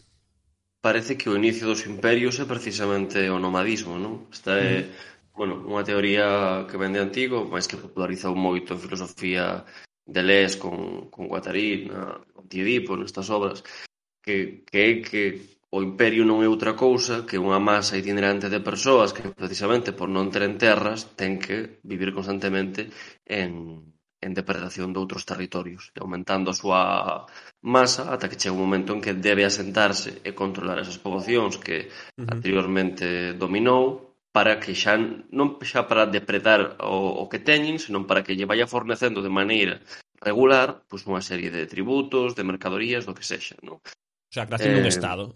Creo que sí, vai, basicamente esa utilización. Para tributo. Uh -huh. Eh, hai unha obra moi interesante que fala disto, eh, máis dunha obra realmente, creo que unha heptaloxía, dun autor que se chama Jacques Abey, que é un outro francés, non é ciencia ficción, é fantasía, unha fantasía moi particular, porque parece que en lugar nunha sorte de historia humana, non hai os tropos tradicionais pois, da maxia, da, da espada, non ese tipo de cousas típicas da fantasía europea, senón que iso é como, como unha especie de medievo bastante plausible en que acontece este tipo de procesos de, de imperialismo primixenio. E penso que está moi moi ben explicado e moi ben representado ese, ese, esa xénese do imperialismo que é nómade. Entón, se, se vende ali, porque non vai volver ali, non? especialmente nun contexto mm. como espacial. O problema é que, claro, hai tanta distancia entre os enclaves humanos que mm. sería difícil manterse.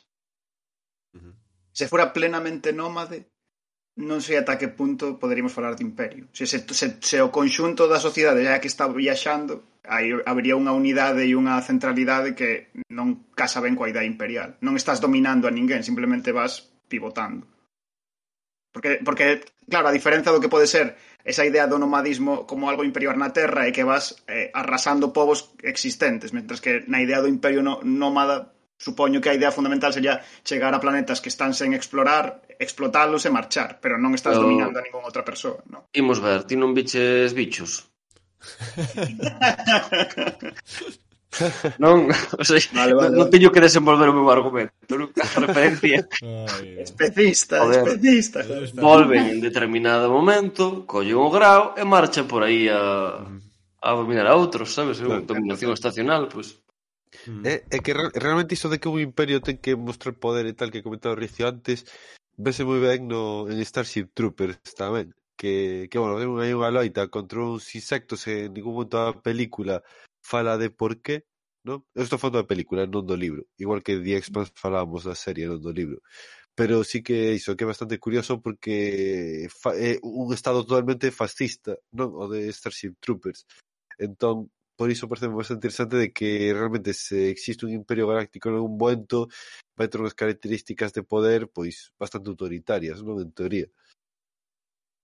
Probablemente, eh, probablemente. O que pasa é que non sei se Starship Troopers é un imperio. Eu teño certas dúbidas con con esa expansión. Ve Alemania antes de antes de entrar en Polonia, non? Imperio, non sei, pero imperialista de, Sí, claro. non, dende logo que hai sangre. É un imperio, pero está arrancando. Exacto, exacto, pode ser, non? Se antes falábamos de decadencia, igual este é o primerizo, non? De, de, de intentar empezar.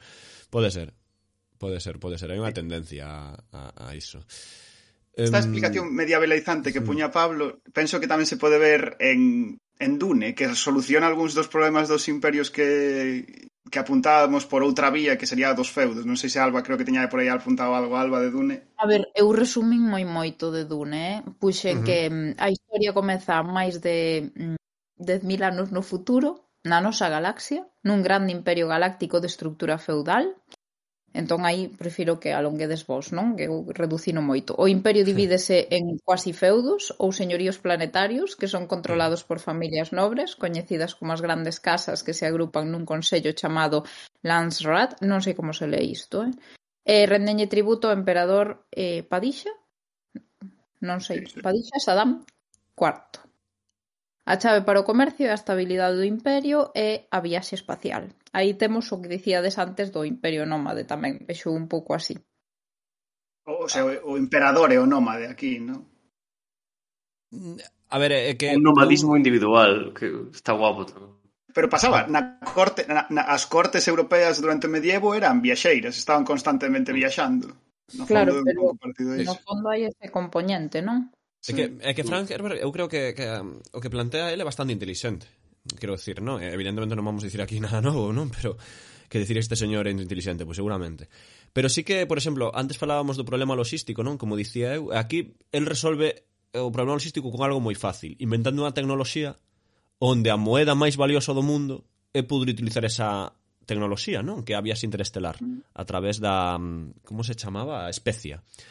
Non? E, entón que encontrou a especia, pois realmente ten un poder eh, enorme E dai que en controlo que controla a especia ten ese pseudopoder tamén. Eh, polo tanto, aquí eh, inventa unha tecnoloxía evidente na que nos podemos mover, pero todo xira alrededor desa tecnoloxía, co calo imperio está autoalimentándose a sí mesmo, non? E, creo que é moi inteligente esa, esa posición, non? De, de saltar o que eu consideraba, non? Por exemplo, ese, esa problemática de, de viaxe, facer da viaxe o, o poder total do imperio, de poder chegar daqui a do punto A ao punto B antes que a outro, non? E aí é, é vital na obra de Dun entender ese concepto e mesmo entender o xogo político que eles mm, que as casas fan, non, propia non, moi hai xente que dicía o xogo de tronos no espacio, fíxome moita moita gracia esta comparación. Sí, que, sí. Eh, pero pode haber un aire, non? Ah, pode haber un aire de, de traicións e ideas non máis elaboradas que a propia traición, senón que non é só traicionar, senón é buscar a fórmula para que sexas traicionado e eso este recoñecido como algo bo, non? E por iso eh, mm. este caso pro, o Dune, non? o planeta eh, Arrakis, non cando son mandados aquí os Atreides, pois realmente é unha traición desde o inicio en que son mandados, non? Non é que vayan ser traicionados logo, é que están originando unha guerra eh, casi obrigada. Entón realmente estános condenando. E iso se me parece moi interesante o tema que plantea o, o tema político que, que, que Dune plantea en xeral podemos entenderlo como un imperio pseudofederalista, eh, creo que está moi ben resolto. Na, la, la, realmente considero que aquí sí hai un temos moita información sobre como funciona este, este esta política e creo que é moi aproveitable, vaya. É unha solución super elegante hmm. se pensaba dende, dende, dende os termos non que estamos tendo esta discusión sobre a imposibilidade logística, porque se pensas os non sei se, bueno, non sei se seguramente non, pero se ledes algunha cousa de historia do dereito e intentades entender eh, os mecanismos sociais do feudalismo son un cristo, son contratos sociais complicadísimos, cheos de reviravoltas, onde hai un montón de obrigas moi raras, de figuras xurídicas que non comprendemos. Quer dicir, os, o, o sistema feudal é un sistema mm, de relacións sociais super xerarquizadas, pero ao mesmo tempo con mogollón de matices que están creados precisamente porque nos estados premodernos era moi difícil manter eh, un control político mm, eh, estable alrededor dun territorio amplio, porque non, non, non dispuñas de tecnoloxía como para facelo, que foi o cambio fundamental dos, dos estados modernos, non?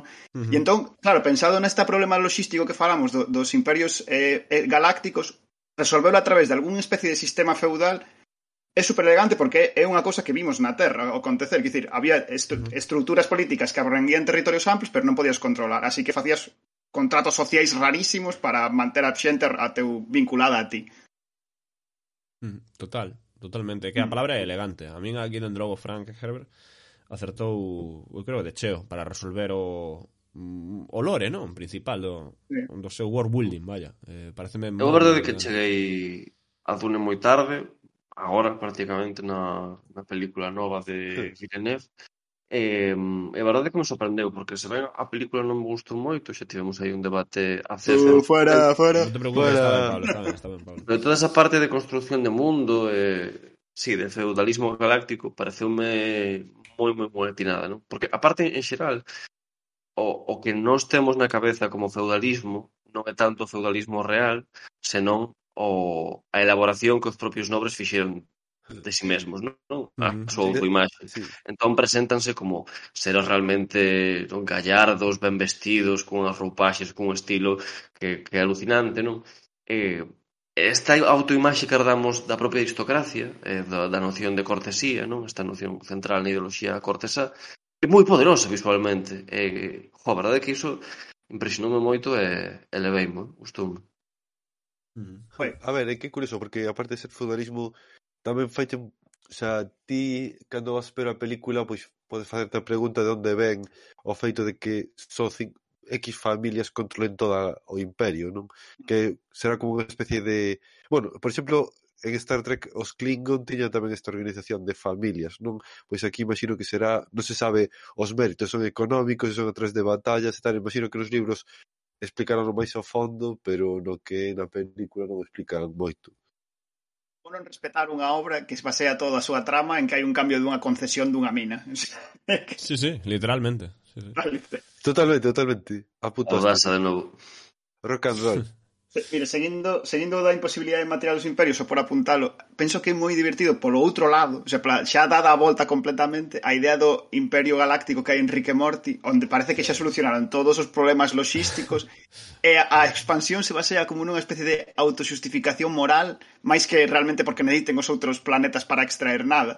É moi divertido porque eh, vemos como que eh, por culpa de por culpa de, de Rick, conquista, o, sea, o Imperio Galáctico descubre a Terra, e Jerry é absorbido eh, dentro do, do sistema do imperio e pasa de ter un traballo que era pasa ter, de non ter traballo a ter un traballo valeiro no que se sinte super realizado e vez que sí que aportaba algo á sociedade de repente está frustrada porque só é parte dun eh, engranaxe burocrático que non ten nin pés nin cabeza. Eh, e, e é moi guai porque esta justificación do imperio é o único que conecta coas únicas as únicas crenzas políticas que Rick eh, mostra en toda a serie que é como unha especie de antiimperialismo, sí. pero non por unha cuestión imperial, senón como unha especie de filosofía anarquista, sí, sí. un anarquismo científico que odia a estructura simplemente porque é alienante, non porque non porque lle quite nada. Sí, sí. Non sei, unha cousa loquísima. Bueno, feito é bastante ácrata, Rick, tanto no matrim como matrimonio como tema do, do imperio tío, non? Porque tamén ten así posturas superácratas. Eu teño que traer de que é un anarcocapitalista en realidade, Rick Sánchez, pero non bueno. capitalista, porque Claro, estamos está falando dun, dun contexto onde o capital xa non ten sentido, xa claro, non te claro. aporta nada. É entón, verdade, é simplemente é anarquismo, o que vai que facer o caer o imperio é a súa propia existencia, é unha cousa loquísima. É un pouco eh, anarco, como tipo unha bomber este, non? Anarco primitivista, non? Hola. Eh, sí, no, no, no, no, estaba, estaba, estaba ah, pensando, estaba mirando aquí y tal. Pero perdón, sí, perdón. Eh, entendo entendo perfectamente o de o que o de Rick, a ver, Rick y Morty a mí fai en xeral demasiada gracia eh, o temas que plantean, pero sobre todo cando se meten en política en este en sentido de ordenación do seu universo é como que di Rodicio ao principio, darlle a volta totalmente, non? En plan de, pero en vez de acabar mirando por o mesmo lado, acabas mirando cara a outro, non? O sea, é como mm. un espello cóncavo ou convexo da, da nosa realidade eh, eh, exponencialmente eh, tirado á basura, rollo de da igual, o que penses aquí imos jodela de alguna maneira, non? É, é o de sempre. E si sí que fai moi ben, por exemplo, algo de Rick Morty, sempre me fixo gracia, pensando antes, de que a xente do Imperio Galáctico si sí está humanizada, como por exemplo eses, eses grilos ou mosca, que non sei, eses insectos, que son os que disparan a Rick. Hai un momento en que Morty dispara un deles, sí, sí, sí. porque Rick lle di, Rick, joder, dispara, tal, non? E Morty dispara, e o tipo empeza a falar, ah, ah dille a miña muller que lle quero, non, non sei que, en plan, el, ah, Dios, é terrible, tal. Eh, eh, curiosamente, non podo deixar de velo como unha referencia a, a darlle humanidade a eses imperios malvados que din que son eh, que, que se estaba planeado así, non? De dar ese rollo de, mira, que estás matando a, tamén. Son burócratas morti, non teñen alma para mí. Ai, comentábamos antes de deshumanizar tal, pues aquí foi o contrario, efectivamente. Uh -huh, total. Sí, sí. Outro melón por aí que quirades ir abrindo, Star Trek. Dez minutiños. Star Trek. Venga. Star Trek que foi originariamente concibida como unha serie coa que reflexionar sobre os problemas sociais de Estados Unidos no seu momento, que eran o racismo, e segue sendo, eh, a loita polos dereitos civis, a Guerra Fría, sen deixar de ser unha serie de ciencia ficción e aventuras. Eu aquí atopei un dato moi curioso que me gustaría apuntar que basicamente é o seguinte, o primeiro episodio piloto rexeitou no NBC porque para a mentalidade da época resultaba excesivo que unha muller fora a segundo mando nun navío de guerra. E, eh, bueno, en Star Trek o que temos é o Imperio Klingon, que é o nome oficial do Estado dos Klingon, fundado polos Kales, eh, Kales. por Kales, Kales. Kales. Vale, o imperdoável, que foi quen unificou por primeira vez todos os povos do planeta natal dos Klingon. Eh, conos, non? Chamase así. Sí, conos, sí. Eh, Conos. Desde Conos ese ou momento... Cronos, que dices que din Cronos, non sei por qué, pero oh. bueno, creo que debe ser mala Ser? Sí, seguramente. Ah. Dialectos, dialectos, joder. Ah, e desde ese momento o Imperio Klingon estendeu a súa influencia mediante a conquista e incorporación de outros sistemas. Sí, a ver, es que eu eh, obviamente son os vikingos, non? O sea, polo menos a, a formulación estética ou tamén o sea, bueno, a mí polo menos parecemos vikingos, non sei se a vos parece, non? Sí, eu estou de acordo. Ata a súa mitoloxía está baseada nos vikingos, ou sea, que, que xa ten bastante, vamos. E logo están os romulanos tamén, que serían como o tema de o Imperio Romano, non? De por de feito a súa estética tamén está baseada no Imperio Romano de toda a vida, imagino que será por a facer a broma de romulano, romano, etc. Sutil, sutil, sutil. Sutilísimo, pero bueno. E hai un imperio do que non falamos de Star Trek que eu creo que é máis interesante que sería o, o colectivo Borg, que se lle chama que que é como se fora unha, unha mente colmea, pero de feito é a potencia máis imperialista de todas, porque basicamente asimila civilizacións enteiras e, e asume como características propias as tecnoloxías das civilizacións alleas que é máis ou menos o que facía o Imperio Romano, non é, non é para nada, máis homoxéneo, máis homoxéneo que iso é imposible o Imperio Entonces, Romano non era tan homoxéneo en realidad. Xa, xa, xa, pero refirme que os Borg, por exemplo, que fan é homoxenizar todas as culturas que, que capturan, que integran o colectivo, eh, asumen as súas vantaxes eh, tecnolóxicas como propias. Non? Entón, é como o inimigo máis despiadado de toda a serie e máis deshumanizado tamén, non? Uh -huh. Pregunta guapísima. É unha pregunta guapísima se unha mente colmea pode ser un imperio, eh? A verdade que é unha sí. pregunta moi chunga. É unha clara referencia, eu creo, a, a, a Unión Soviética tamén, os Borges, tal, pero bueno, non sei, igual é unha palla mental que me fixe eu. Pero... Eu penso que, que está traído de onde vos dicía antes de, de Olaf Stapledon e do Star Maker, porque unha parte central do trama vai diso, non? De, de como conforme o universo vai integrándose, as poboacións van coñecendo entre sí, é necesario desenvolver medios de contacto telepático, precisamente porque é moi difícil eh, que iso sexa estable. Entón, progresivamente, é eh, a, a teoría del, non? Eh, o universo vai se volver unha soa mente cósmica que, bueno, mm. non digo máis porque spoiler, ten un seu interese. Guapo.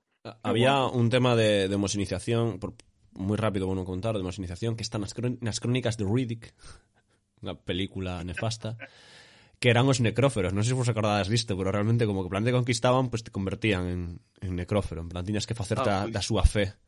Eh, pois era un pouco como ¿no? os, a ver, os Borjo que facían en vez de converter con palabras tiñan como uh -huh. ondas que pinchaban a xente e a xente transformase nun deles. O sea, un pouco así, yeah. pouco ineficiente, a verdade, pero bueno. No, a, aquí eh, tamén pinchaban, eh? igual se estaba baseado, é que eu non vin Star Trek, sí. quero decir, o sea, un ah, tema jo, que pues, teño... Osborg, aparte, joder, aparte me parece moi pouco máis interesante dos inimigos uh -huh. que hai, porque son como despi... como que non teñen moral ninguna. Entón, o único que lles interesa é asimilar poblaciones a calquera coste e, e sen problema, sabes? En plan, eh, como son superpoderosos e asimilan adáptanse sempre ao que sexa, um pois uh -huh. son o inimigo máis despiadado de todos.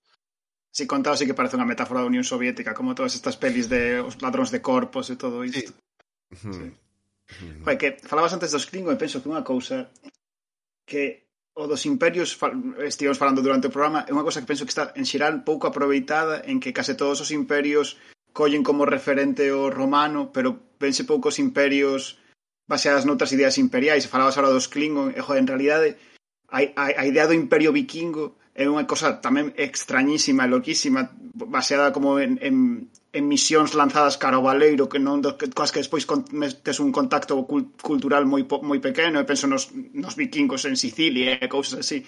E penso que nunca se, non se fai moito ese tipo de cousas na ficción porque dá para historias complexas, pero que molaría un montón. Non que sei, o sí. Imperio Austrohúngaro, Bicéfalo, cousas así distintas, non sei. Ás veces, eh, eh non cargar contra os grandes autores da ciencia ficción contemporánea, non? pero ás veces creo que falta aí de, de, de coller o tropo, non? De, de adaptarse para non arriscar o mellor. Pregunto, eh, ou deixo caer. Non, non sei, o que diste, que a mí a idea do, do Imperio Bicéfalo, o que comentabas do Imperio Vikingo, non? De misións a, a nada, non? E, e creo que ademais o espazo creo que totalmente así, non? De, pasaba como as misións Lázaro de inter, Interestelar e todo isto, non? Que son misións que non sabes onde vai acabar, nin, nin como vai ser, pero igual si sí acaban formando ali unha colonia ou un posibilidade de imperio, non? E, e parece moi interesante esa idea, eh? A do imperio vikingo... Vikingo mm. Vikingo non coñezo, pero sí que un caso de imperio cósmico hinduista. Está guapísimo. A, a, a, a ver, que realmente os Klingons son como unha especie, unha mezcla entre os vikingos, os romanos, a parte de como a Unión Soviética tamén. Por exemplo, joder, hai unha película que feito é unha alegoría da caída uh -huh. do muro de Berlín, pero sí que teñen características do Imperio Romano porque teñes nada, cosas así. Sí, sí, pero, pero os, como... e os hinduistas que? Eu quero saber destes putos hinduistas. É verdade, é verdade. A, a obra chamase Lord of Light, de Robert Lashley. Agora nin Deus coñece esta mierda, pero no seu momento fora moi, moi, moi coñecida, gañara moitos premios, con estas obras que das que se din vai cambiar a historia de ciencia ficción, logo no, parece que non é así, non? Pois é interesante, porque desenvolve iso, pois unha ideoloxía hinduísta baseada na roda da reencarnación que se estende por todo o universo, e eh, tamén un imperio autoritario, pero ademais moi tolo na súa ideoloxía, non? Uh -huh. eh, nada, que moitas veces penso que sí que hai ideas, ciencia ficción, non? E eh, que moitas destas cousas que suxerimos foron ensaiadas, o que pasa é que despois son esquecidas, porque noutros tipos de, de literatura máis canónica, máis pues, que conta co sistema escolar, ao final, creas unha memoria poboacional do que foi feito e do que non foi feito. Mas na ciencia ficción a xente vai morrendo, non? Como, como os vikingos que mandan por aí a Islandia, bueno, a ver se estou pasando de vivir, pois. A ciencia ficción pasa un pouco isto, que a xente manda exploradores, eh, logo xa ninguén os lembra, pero seguro que hai por aí cousas cousas tolas que, bueno, hai que recuperar. Sí. Bueno, eu vou facer romper unha lanza porque o guión ainda quedaban alguna, algunhas ideas, non? Pero temos que encararse a reta final.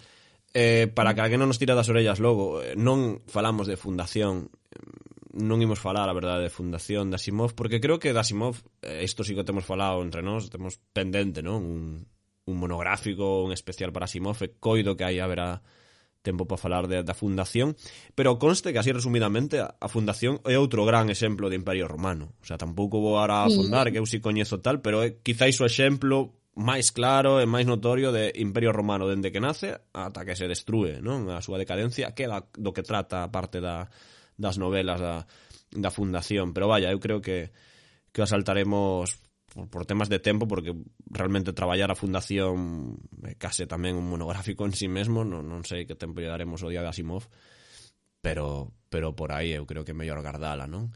E non sei se queredes abrir un último última anécdota ou último aporte, pois pois sí, a ver, eu, a palabra.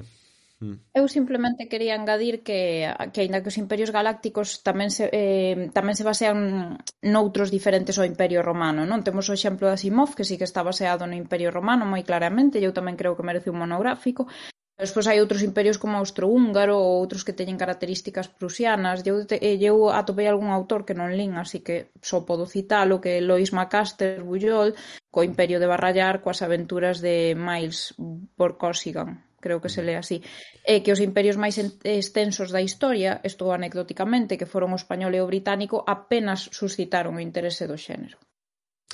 É que aí isto que por aí tiraba Pablo Anders, non? Mellor ás veces a memoria, é que non chegamos a todo, eh, non podemos chegar e mesmo pode haber obras que sí traballan abertamente outros estilos e outras formas de imperio pero ao final acaban por triunfar X e, e non sabemos nada de I ou de Z, non? E, que é moi probable neste océano que é a ficción ao final e a ciencia ficción outro tanto porque autores hai moitos, pero famosos igual ese é o punto, non? Ou Cando, a ver, línea, Pérez ¿no? Reverte se lanza a ciencia ficción. Hostia, eh, estamos... Tenemos...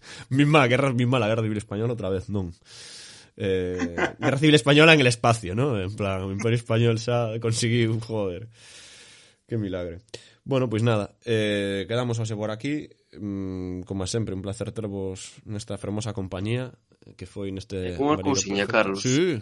Antes de pechar, só quería dicir que se me esqueceu dar o, o nome antes da obra de Jacques Abel, e a primeira do ciclo chamase Os Xardíns Estatuarios, por se alguén ten interese uh -huh. ver de que vai a cousa. Nada, máis nada. Pois con eso, con esa recomendación ou esa anotación que damos, e nada, vémonos no seguinte, que podo anuncialo, creo, o seguinte vai ser un especial, non, Rodicio? Teremos un, un episodio diferente, creo, ¿no? Esto debería Estamos ser... intentando sí. cadrar o noso, a noso calendario do Baleiro co calendario real. Para que vos cadra vos, ¿no? Estamos aquí traballando en no espacio-tempo para que vos chegue un especial que non vai ser ni ciencia ficción ni fantasía, pero vai ser ciencia ficción e fantasía. Ao mesmo Temos tempo. que chamar os Globetrotters para facer as matemáticas. Eco é, eco é, oxalá, tío. Así que, que nada, vémonos prontiño. Eh, abur. Abur. Durante uns minutos corrinche detrás. Urano, Saturno, Júpiter Non sei onde estás